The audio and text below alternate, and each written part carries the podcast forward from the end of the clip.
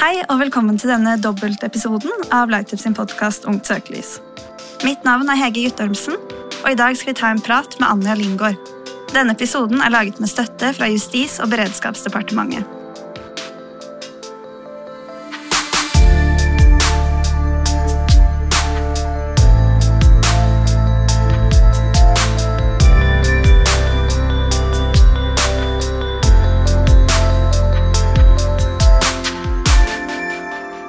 Velkommen, Anja. Tusen takk. Du har jo nylig utgitt boken Fluffer, som er en sann historie som omhandler både pornoindustrien og menneskehandel, og belyser en enorme industrier som profitterer på utnyttelse og overgrep.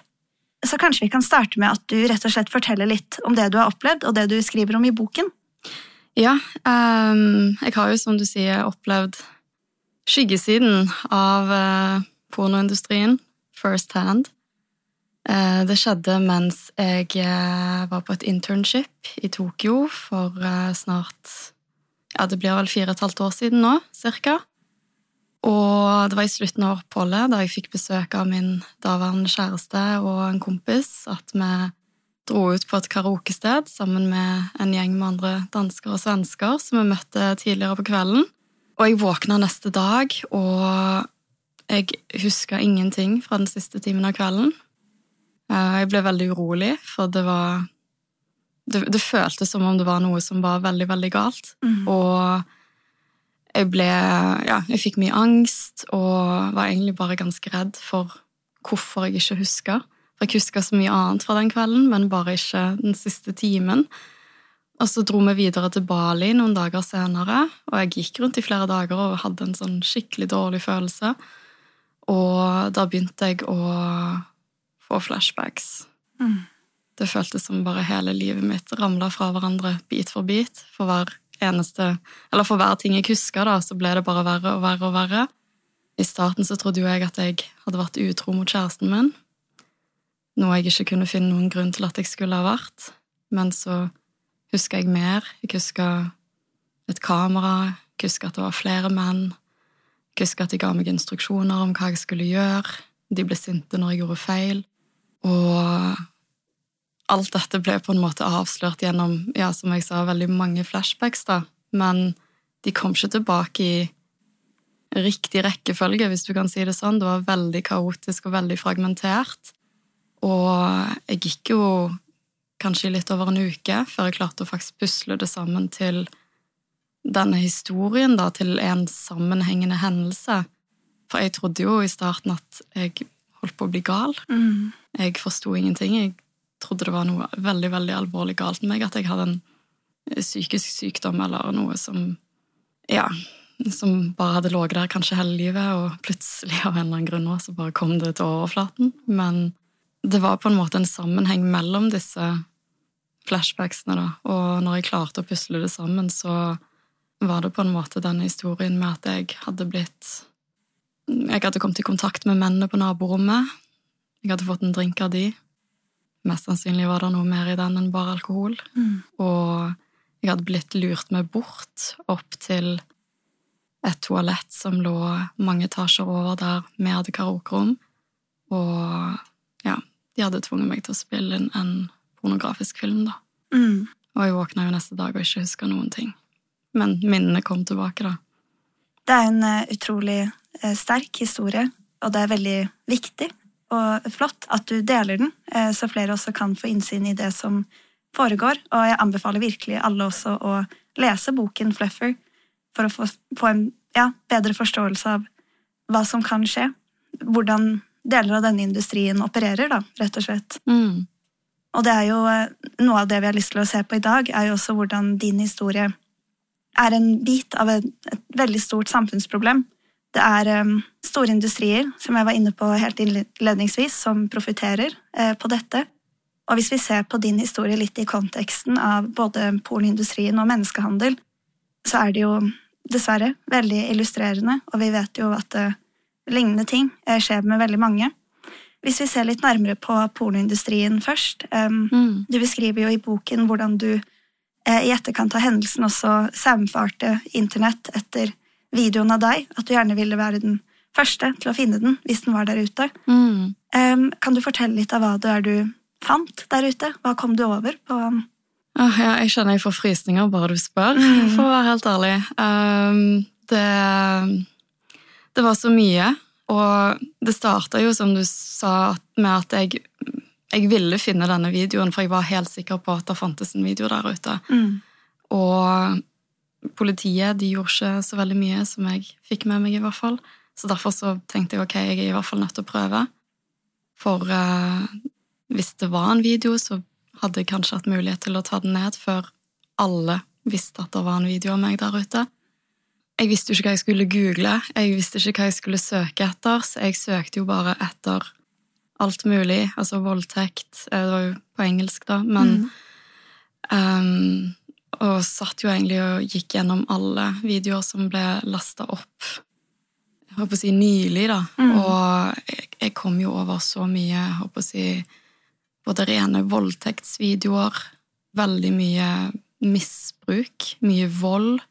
Mm. Og altså, det er jo egne pornosider som er spesialisert på disse tingene for de som er interessert i det, og bare det at de fins, er jo helt hårreisende.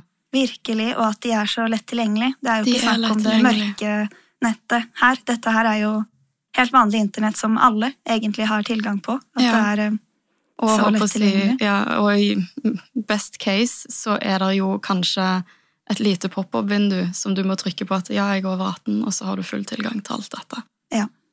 Og det kan hvem som helst få tilgang til. ikke sant. Du kan være ti år gammel og få tilgang til det. Det er jo ja, både noe med hvordan man kontrollerer hvem som har tilgang, men også hva som legges ut. Mm. Du tok jo også opp i eh, ja, en, eh, et eh, innlegg du skrev i Nettavisen også, hvor du også blant annet gikk inn på dette eh, etterforskningen av eh, Pornhub, som er eid av Mindgeek, eh, hvor en etterforskning avdekket at det var et enormt antall ulovlige videoer Mm. eh, som lå der ute. Og etter dette at det ble nesten ti millioner uverifiserte videoer ble fjernet fra denne siden, som inneholdt blant annet eh, overgrep av mindreårige og personer utsatt for menneskehandel. Mm.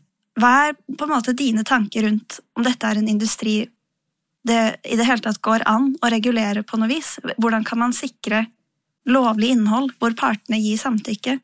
Holder det? Altså, en etterforskning som dette, hvor mange videoer blir fjernet, men Jeg tror ikke det holder. Jeg Mm. tror aldri vi vil kunne sikre oss 100% mot at det innholdet som blir lasta opp, er av samtykkende eh, voksne mennesker. Da. Eh, Det, det tror jeg aldri vil være mulig. Både på grunn av mengden innhold som lastes opp, men òg på grunn av altså, hvordan skal de verifisere det? mm, Hvordan skal de klare det? Og til og med når det håper å si, tilsynelatende er samtykkende voksne mennesker, så skjer det veldig mye bak kulissene som den som er forbruker, aldri vil få innsyn i. ikke sant? Det er jo eh, en, en setning fra boken din som jeg syns er veldig illustrerende overfor dette også, er jo dette med at ingen tenker på hvorfor eller hvordan en pornoskuespiller havner foran kamera. Og når det da er snakk om eh, ja, en pornoskuespiller som i utgangspunktet har gitt samtykke eh, til en video, så er det jo utrolig mye problematisk rundt dette også. Hva er samtykke, eller den større filosofiske diskusjonen rundt fri vilje? Eh, har man valgt noe selv hvis det er en flukt fra noe annet? Mm. Det er jo utrolig mange nyanser ved dette. Der er det.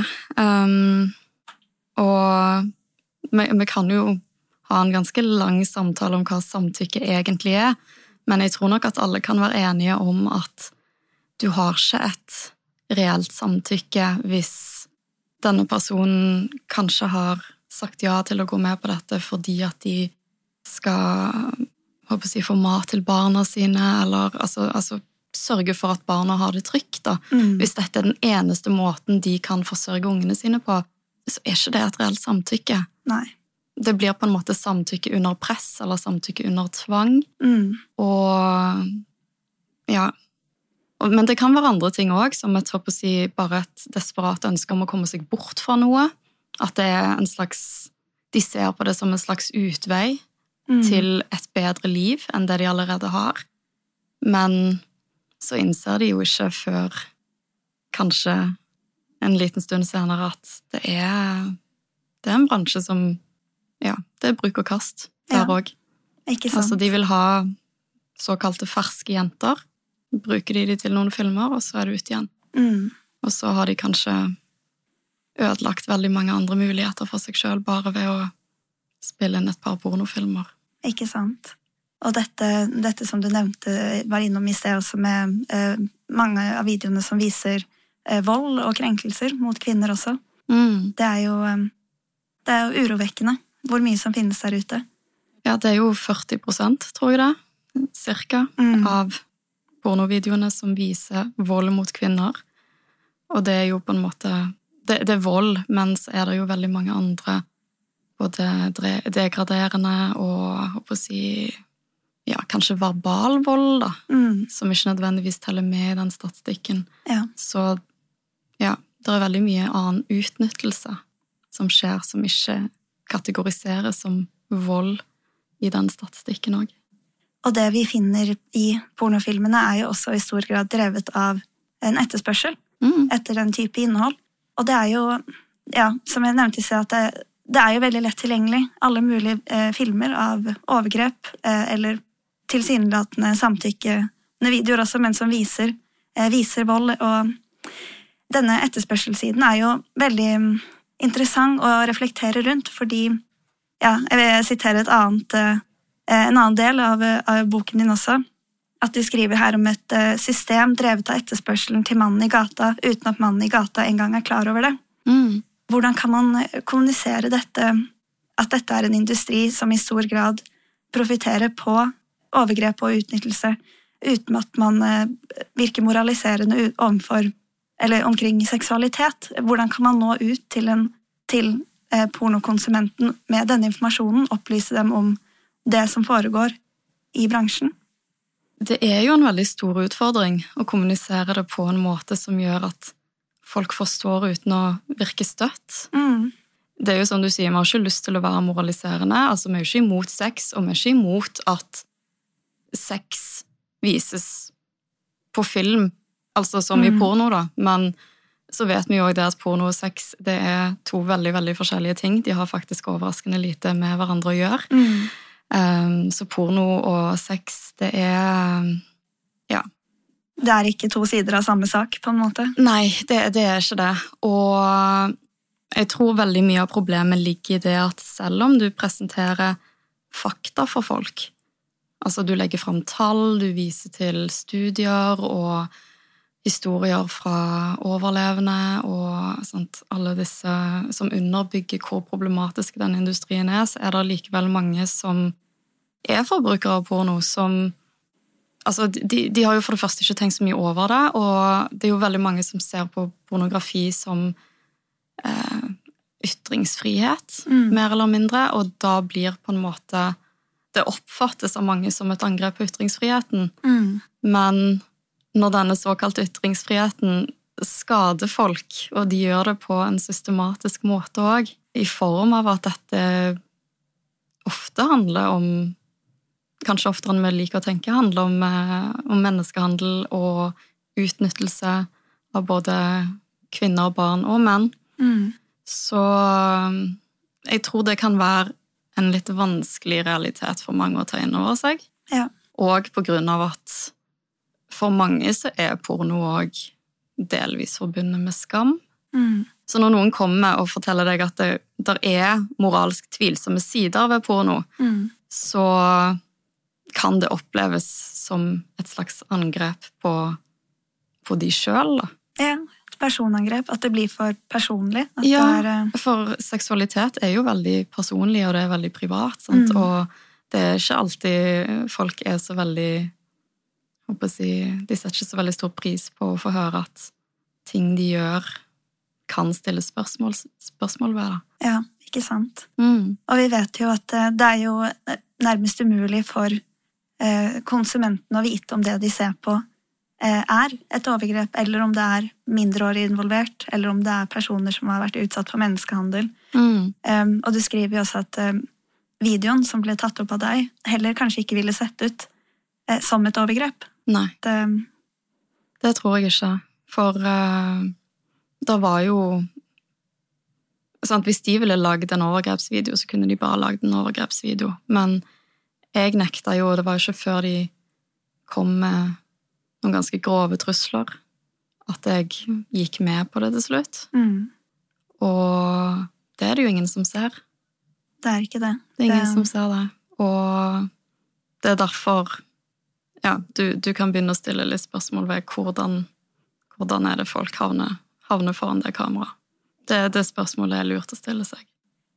Denne etterspørselen som driver eh, pornoindustrien videre, driver jo også menneskehandel videre. Mm. Jeg tenkte jo at vi kan gå litt over på menneskehandelsiden av dette. At det er, det er jo en veldig nær kobling mellom menneskehandel og seksuell utnyttelse, Mm. eh, og derunder også pornoindustrien. I straffeloven er menneskehandel definert som den som ved vold, trusler, misbruk av sårbar situasjon eller annen utilbørlig atferd tvinger, utnytter eller forleder en person til prostitusjon eller andre seksuelle ytelser, arbeid eller tjenester, krigstjeneste eller samtykke i å fjerne vedkommendes indre organer. Og din hendelse faller jo inn under den første, med seksuell utnyttelse. Mm. Og det er jo eh, at man utnytter et annet menneske for egen gevinst. Og vi opplever jo også en stor mangel på kunnskap når det gjelder denne koblingen eh, mellom pornindustrien og menneskehandel. Så jeg tenkte å høre litt hva, hva er dine refleksjoner rundt dette? Hvordan var det du selv også forsto du hadde blitt utsatt for menneskehandel? Jeg var faktisk ikke klar over det før jeg hadde en samtale med advokaten min etter jeg hadde anmeldt det hos politiet, og hun lista opp jeg håper å si, ulike kriminelle handlinger jeg hadde blitt utsatt for gjennom denne hendelsen. Da. Og det var jo blant annet frihetsberøvelse, tvang, trusler, voldtekt. Og så sa hun menneskehandel. Mm. Og det var da det bare Ja. på en måte. Jeg eh, ble litt satt ut, egentlig, fordi jeg har ikke tenkt på menneskehandel på den måten før i det hele tatt. Jeg er faktisk ikke egentlig sikker på om jeg var helt klar over hva menneskehandel egentlig var. Mm.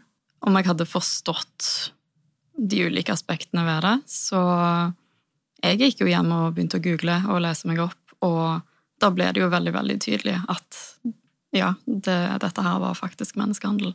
Og det bringer jo også menneskehandel mye nærere. Det er jo ofte noe man eh, tenker på som menneskesmugling eller ja, over landegrenser. Mm. Eh, at det involverer en slags eh, et mer langvarig også eh, forhold, eller hva jeg skal eh, si. Mm. Men det kommer jo, det kommer jo veldig nært. Ja. Personer som ikke i utgangspunktet var heller i en sårbar situasjon, kan havne i en menneskehandelssituasjon eh, Mm. i ulike sammenhenger. At det er eh, virkelig hvem som helst. Det kan være hvem som helst, ja. Det, Jeg hadde jo ikke tenkt på det sånn selv før. Jeg hadde òg tenkt i de gatene der, men uh, nå vet jeg bedre. Mm. Dessverre. Er det noe du eh, tenker eh, Hva tenker du man kan gjøre for å styrke arbeidet mot menneskehandel? Altså Det viktigste tenker jeg er at vi snakker mer om det, snakker høyere om det. Altså Politikerne må komme på banen og ta litt mer tak og gjøre det mer dagsaktuelt. Og altså, både regjeringen og Riksadvokaten har jo slått fast at bekjempelse av menneskehandel skal være en prioritet. Men likevel så kan det jo stilles spørsmål ved hvor, hvor mye det faktisk prioriteres i det daglige, da. Det viktigste er jo at folk forstår at alle kan bidra, og forutsetningen for det er jo at vi lærer om menneskehandel og om hvilke former det tar i samfunnet. For veldig mange bidrar til menneskehandel uten å være klar over det. Sånn som vi snakka om tidligere, om porno. Altså, hver gang noen klikker seg inn på en pornoside, så bidrar de til økt etterspørsel etter innhold. Eh, Men porno er jo ikke den ene, eneste siden ved menneskehandel. Det finnes jo så mange flere, blant annet tvangsarbeid. Og der er det jo mange bransjer som kanskje skiller seg litt mer ut, som oppussing, bygg og anlegg, renhold, landbruk. Og så er det jo òg disse formene for seksuell utnyttelse, som prostitusjon. Og prostitusjon og seksuell utnyttelse er de formene som er mest vanlige i Norge. Eller det har i hvert fall vært det. Mm. Og det som òg er et poeng, er jo at um, i Norge så etterspør vi billige varer og tjenester, og det skaper et rom for utnyttelse. Mm. Vi er med på å opprettholde den etterspørselen. Ja, vi er det. Og vi må bli flinkere til å være kritiske til de tjenestene og varene som vi kjøper og benytter oss av. F.eks. oppussing. Altså er det svart arbeid og den type ting. Hvis du mistenker det, så går det an å faktisk varsle om det. Mm. Og på den måten bidra til å ivareta disse menneskene som kanskje blir utnytta. Mm. Vi har alle et stort ansvar. Det er, eh, det er noe som er nærmere oss enn vi kanskje liker å tro. Jeg leste faktisk en veldig interessant artikkel i Forbes om hvordan eh, private bedrifter kan bidra til bekjempelse av menneskehandel. Og der er jo på en måte den sosiale delen av bærekraftsarbeidet til bedrifter eh, veldig viktig. Og det de kan gjøre da, er jo å annet begynne å kartlegge verdikjedene sine. Altså hvordan er det f.eks. underleverandører får til å levere varer og tjenester til de igjen? Sant? Altså Er det tvangsarbeid der? Er det forhold som er kritikkverdige, så er jo det noe som de kan ta tak i og sette en standard for hva de syns er greit. da. Mm. Um, Absolutt. Og der har vi jo vi igjen, også som forbrukere, et ansvar. Nå har vi fått på plass den eh, åpenhetsloven i Norge. at som, mm. Når vi stiller spørsmål eh, om slike ting, så skal vi få svar på det. Så det er jo viktig å, ja, ja. at vi er alle med. At vi, har, at vi, erkjenner at vi kan være med og bidra. At vi, vi tar det ansvaret, vi også. Ja. Mm. Åpenhetsloven er jo et veldig stort steg i riktig retning. Mm. Men uh, det, det, er jo ikke alle bedrifter som heller er veldig klar for den åpenhetsloven, og det å kunne være så transparente som den loven egentlig tilsier at du skal være. Mm. Um, så det er jo et arbeid veldig mange må gjøre, og det arbeidet har de nok ikke gjort, fordi de har ikke vært nødt til å gjøre det før. Men eh, nå kan de jo faktisk bli tatt på det, og da vil det jo òg få konsekvenser for dem. Mm. Og det er jo først når det faktisk kan få konsekvenser, at de føler seg tvunget til å gjøre noe med det, at de tar tak i det. Men det er jo bare positivt, da. Um, men det som sto i denne artikkelen òg, var jo f.eks. det med noen spesielle typer næringer, da, som banker. De bør være mer bevisst på andre ting enn bare hvitvasking. Da? Altså for det kan være mennesker som blir tvunget til å opprette kontoer i banker, og der det er, skal du kalle det, suspekt kontoaktiviteter, f.eks. det at denne personen ikke har utgifter som vanlige mennesker har, som f.eks. til husleie og strøm og andre faste utgifter. Altså hvis det bare er andre eh, kontoaktiviteter knytta til det, så er det noe som bør ja, i hvert fall få et lite rødt flagg, da. Ja. Og som bør undersøkes nærmere. Og hoteller, sant? der er jo spesielt seksuell utnyttelse. Det, det, skjer jo på hoteller i stor grad òg. Mm. Så der har de et arbeid de kan gjøre med å bli bevisste på hva er det egentlig de skal se etter. Eh, men òg helsevesen, faktisk, med tanke på Altså, de kan avdekke kjønnssykdommer, vold, altså psykisk helse og rus, som alle er på en måte røde flagg og bør ses i forbindelse med noe større, kanskje, da. Mm. Og der starter det jo òg med kunnskap. De må ha kunnskapen om dette til å faktisk kunne ta tak i det og bidra på sin måte. Det her er jo noe som tar ja, utrolig mange ulike former, og som du sier, man er nødt til å tilegne seg den kunnskapen for å kunne kjenne igjen dette her, og kunne, kunne se om det er noe som foregår, og kunne, ja, for å kunne ta et ansvar og bidra, så må man rett og slett ha ha den kunnskapen i bunnen. Mm. Og når vi vet det at menneskehandel på verdensbasis det rammer 25 millioner mennesker, mm. og det er en bransje som genererer 150 milliarder dollar i året. Det er, det er stort. Enormt, ja. De tjener enorme summer på det, og de gjør det kun for økonomisk vinning. Mm.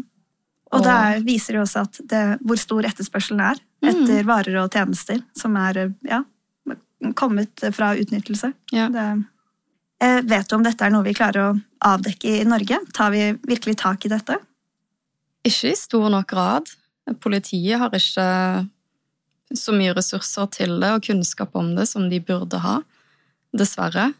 Men vi så jo f.eks. denne saken som eh, var i avisene ganske nylig, det er vel bare noen måneder siden, om disse massasjesalongene, Mm. der det var blitt avslørt at de solgte seksuelle tjenester, og veldig mange av disse kvinnene var ofre for menneskehandel. Mm. Så vi ser jo det at noen blir jo faktisk tatt for menneskehandel i Norge òg, men det er veldig store mørketall, og veldig mange av disse sakene blir henlagt på grunn av at annet så blir disse forholdene ofte anmeldt etter lang tid, sånn at det er veldig vanskelig å få å finne bevis Mm. og få det bevisgrunnlaget som trengs for å faktisk få noen dømt. Så vi er jo avhengig av at de som er utsatt for menneskehandel, at de både har de, At de føler det trygt å anmelde i dette landet. Vi må ha et system som klarer å ivareta dem. Mm. Men vi er jo òg nødt til å ha et politi som faktisk kan nok om det til å ta tak i det og forstå at de trenger å etterforske det. De- må prioritere å etterforske det ganske raskt etter det er anmeldt, fordi hvis ikke så er faren for bevisforspillelse ganske stor. Mm. Så vi, vi har mye å jobbe med, men eh, heldigvis så skjer det jo litt. Eh, Etter at du har opplevd noe som dette, og du nevnte jo at du var i kontakt med advokat, blant annet. Hvor er det man kan eh, henvende seg? Eh, Er det, er det hjelp å få? Hvordan eh, når man ut til hjelpeapparatet hvis man har opplevd en, noe lignende? Altså, for meg så var jo dette en enkelthendelse. Sant? Den var jo relativt kort i varighet, så for meg var det jo si, Det var jo ikke enkelt å gå til politiet og anmelde det, Mm. men enklere enn det vil være for et menneske som kontinuerlig utsettes for det, og som fortsatt er fanga i systemet, da. Mm. Det vil jeg tro er vanskelig å komme seg ut av, og der må jeg innrømme at jeg vet ikke. Nei.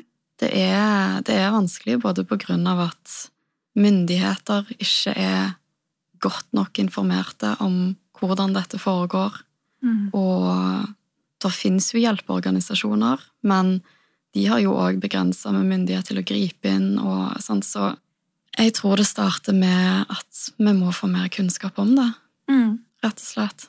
Men der er hjelp å få. Som sagt, for de som fortsatt er fanga i systemet, så er det ikke det, det er en vanskelig situasjon å komme seg ut av. Ikke sant? Mm. Og opplevde du at eh, terskelen for å søke hjelp var, var høy hos deg? Er det Den har alltid vært det, mm. og på å si med andre ting i livet. Men når jeg var på Bali og bare innså at enten så går jeg til grunne, eller så må jeg be om hjelp, så var det ganske enkelt å velge det siste. Mm. Jeg vet ikke hvor jeg hadde vært i dag hvis jeg ikke hadde valgt det, for å være helt ærlig. Så det starta jo med at jeg tok kontakt med fastlegen. Hun henviste meg videre til voldtektsmottaket på legevakten. Der gikk jeg i samtaler ganske lenge, og det var til veldig god hjelp. Um, I tillegg så valgte jeg å anmelde det. Eh, Og på legevakten så fikk jeg òg informasjon, eller kontaktinformasjon til bistandsadvokater. Og hun som hjalp meg, hun var en helt fantastisk dame. Hun eh, ja, bisto med alt jeg trengte hjelp til rundt det juridiske, og det gjør hun faktisk fortsatt. Men eh, det Jeg skal ikke si det var enkelt å sitte i avhør hos politiet og be om hjelp, og spesielt ikke når omstendighetene var som de var. Altså, jeg hadde jo ingen bevis på noen ting. Jeg hadde bare flashbacks og mine egne symptomer på at jeg var utsatt for noe som ja, jeg ikke burde ha blitt utsatt for. på en måte. Kroppslige reaksjonen, rett og slett, som Ja. hadde kommet. Ja, Mm. så, så det var veldig vanskelig. Mm. Men uh, jeg er jo glad jeg gjorde det. Ja. Og opplevde du altså, kunnskapen blant de du søkte hjelp hos? Det er jo en helt eh, grusom historie du kommer med når du møter disse personene. Følte du at de hadde, hadde kompetansen og jeg vet ikke, kunnskap om eh, denne type hendelser til å kunne hjelpe deg, både blant eh, ja, politiet for så vidt og de andre? Um, kan jo begynne med psykologen på voldtektsmottaket. Jeg, jeg, tror nok at dette var en litt annen historie enn de hun vanligvis jobber med, da. Men si, den traumeresponsen er jo ofte Eller den kan være ganske lik for veldig mange, og det viktigste hun gjorde for meg, var på en måte hjelpe meg med å forstå følelsene mine og hvor de kom fra. Så sånn sett så vil jeg si at det, det hjalp meg veldig å komme gjennom i hvert fall den der første fasen av traume, der ja, kroppen, kroppen ville jo ingenting. Det var jo akkurat som jeg bare hadde Ja, vi hadde brutt helt sammen. Mm. Jeg eh, visste ikke opp og ned på verden. Jeg måtte bare ta en time av gangen. Noen ganger sier du at det du må ta en dag av gangen, men da var det nesten, altså nesten nede på minuttnivå. Ja. Så ille var det. Men det hjalp meg med å forstå følelsene og den der å si, reisen gjennom et traume, da. Mm. Um, og det, det er jo ikke akkurat sånn at du bare slår deg til ro med det, men det var i hvert fall godt å være i stand til å forstå mine egne reaksjoner og hvorfor jeg hadde de. Mm. Og høre fra noen, ikke minst, at nei, du er ikke gal. Ja. For det trodde jo jeg. Ikke sant? Jeg, jeg var jo helt overbevist om at jeg, nå, nå har det rakna for meg. Mm. Så det å bare få den bekreftelsen på at sånne, sånne reaksjoner får du ikke ut av det blå, det, det kommer fra et sted, det hjalp meg veldig mye. Mm. Politiet, de eh, hadde jo avhøret sitt, i hvert fall. Du blir et saksnummer. Mm. Du gjør det. De lytta jo til det jeg sa, og stilte kritiske spørsmål. Noen ganger òg veldig ubehagelige spørsmål, men det ble jeg jo advart om på forhånd òg. Men det er jo bare en del av politiarbeidet. Men jeg, ja, jeg hørte jo veldig lite fra dem, og til dags dato så vet jeg ikke om de har gjort noen etterforskningsskritt for å avdekke hva som kan ha skjedd. Nei, ikke sant. Og vi vet jo dessverre at um, altfor mange saker blir henlagt når det gjelder ja, overgrep eller lignende saker. Det er, um, er det noe du kommer på som du tenker kunne ha sørget for at personer som har opplevd noe lignende, kunne fått bedre hjelp? Er det noe, har du gjort deg noen tanker omkring uh, Du nevnte jo å øke kunnskapen. Um, Mm. Er det noe annet du kommer på som ville kunne sørget for et bedre mottaksapparat på noe vis for saker som dette?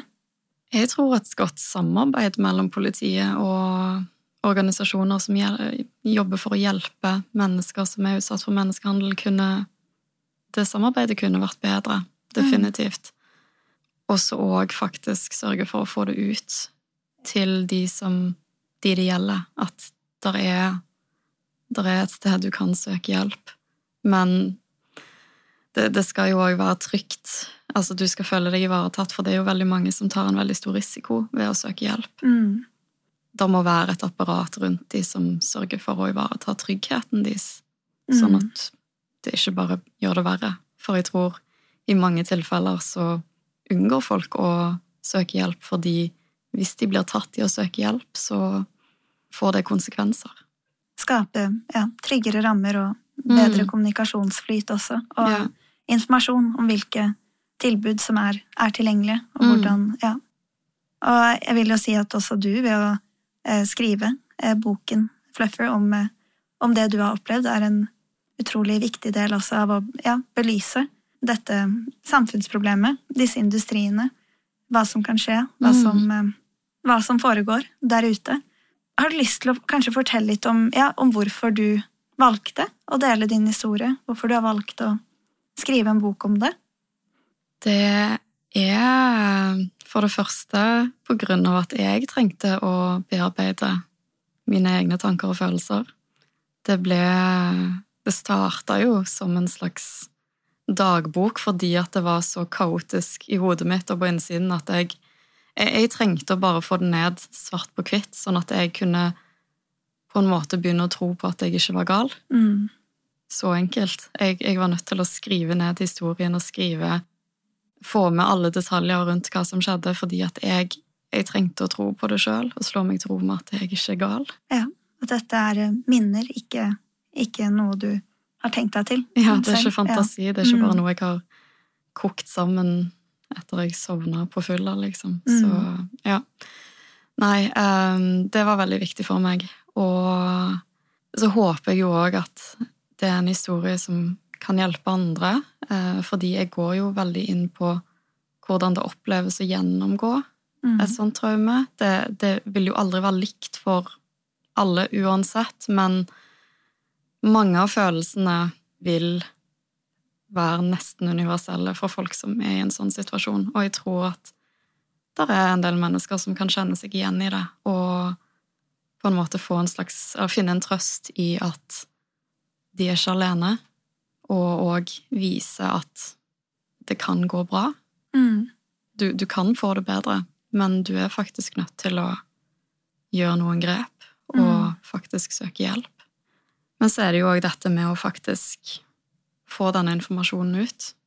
For det er jeg si, en overgrepshistorie som de fleste kanskje ikke har hørt før.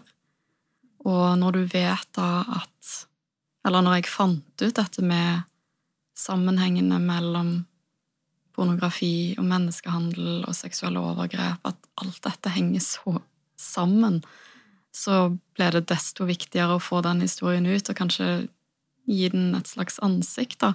Mm. Fordi jeg vil at folk skal være klar over disse tingene og begynne å tenke litt gjennom si, både hva et overgrepsoffer faktisk gjennomgår, hva, hva, hva, er det du faktisk gjør mot et annet menneske når du utsetter det for et overgrep, og at det skal bli en vekker for folk som helt um, ukritisk forbruker pornografi, da. Mm. Fordi det er veldig mye grums der ute.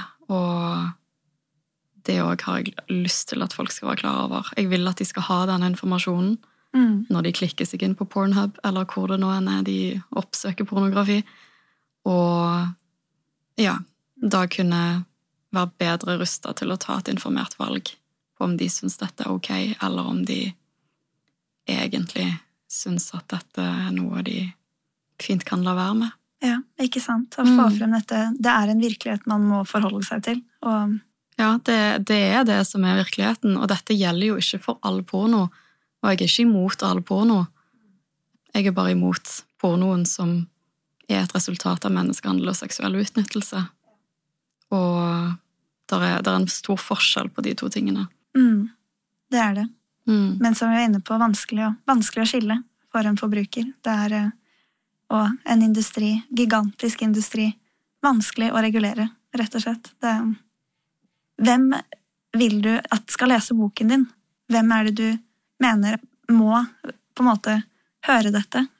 Vet du, Jeg har brukt litt tid på å tenke på det, mm. men jeg mener egentlig at dette er en bok som alle kan og bør lese. Mm. Den er ikke retta veldig mot spesifikke grupper, både på grunn av dette budskapet med sammenhengen mellom pornografi og menneskehandel. Og, og, det er jo noe som jeg har lyst til at alle skal være klar over. Mm. Men så er den kanskje litt retta mot de som jeg har lyst til å, til å hjelpe, på en måte. Mm. Nå, nå, kan jo ikke jeg gå ut og hjelpe alle som sliter med, med et sånt traume, men jeg håper i hvert fall det kan være en trøst for de som mm. De er ikke kanskje, alene om dette? Ja, de er ikke alene. Og sant, altså Min vei tilbake vil jo være forskjellig fra andre sin vei tilbake igjen. Og sant, det er jo ikke noen oppskrift jeg kommer med, men det må faktisk ta det steget med å søke hjelp. Mm. For å finne sin egen vei tilbake igjen og få hjelp til å peile ut den veien. Det, det er jo òg et viktig budskap, da. Så mm. jeg håper jo at det er mennesker som har vært utsatt for disse tingene, som vil lese den, selv om det er tøft. Mm. Og jeg vet det, den kan tidvis sikkert være vanskelig å lese, men så tror jeg òg det at noen ganger så må du kanskje gjennom litt vanskelige ting for å få det bedre òg. Mm. At det er bedre å bare face det i stedet for å lukke øynene. Ja. Hvis du skjønner hva jeg mener. Ikke sant. Jeg har jo ja, selv lest boken, og jeg kan virkelig skrive under på at det er både vondt og vanskelig å lese denne historien, men utrolig viktig. Og jeg må virkelig understreke at jeg anbefaler alle å lese den. Det er utrolig viktig. Ehm, og ikke minst eh, stemmen din i arbeidet mot, eh, mot utnyttelse. Det er virkelig Tusen takk. Virkelig en sterk oppfordring. Men da er det jo for så vidt egentlig bare å si tusen takk til deg, Anja. Vi, vi kunne jo fortsatt egentlig i eh, en veldig lang stund eh, om disse temaene. Det er ja. enorme temaer, enorme utfordringer, eh, som vi ikke har eh, svarene på nødvendigvis, men vil gjerne være med å øke kunnskapen og ikke minst øke hva skal jeg si, interessen for å søke kunnskap om dette også. At dette er, det er noe som angår oss alle, og det er noe vi burde ta tak i og ja, tenke oss gjennom og ta informerte valg. Det, Helt enig. det her med å belyse eh, utnyttelse både i pornoindustrien og menneskehandel er jo eh, også noen av kjerneområdene i Lightup sitt arbeid. Eh, og hvis du har lyst til å være med og engasjere deg i dette arbeidet sammen med oss, så er du selvfølgelig hjertelig velkommen til å bli med i Lightup. Og hvis noen har lyst til å være med og lage flere podkastepisoder, er det også bare å ta kontakt, eh, og du kan finne oss i sosiale medier på lightup.norway eller på vår hjemmeside lightup-movement.no. Så da er det bare å si igjen tusen takk til deg, Anja, og tusen takk til deg som eh, lyttet. Så høres vi i neste episode.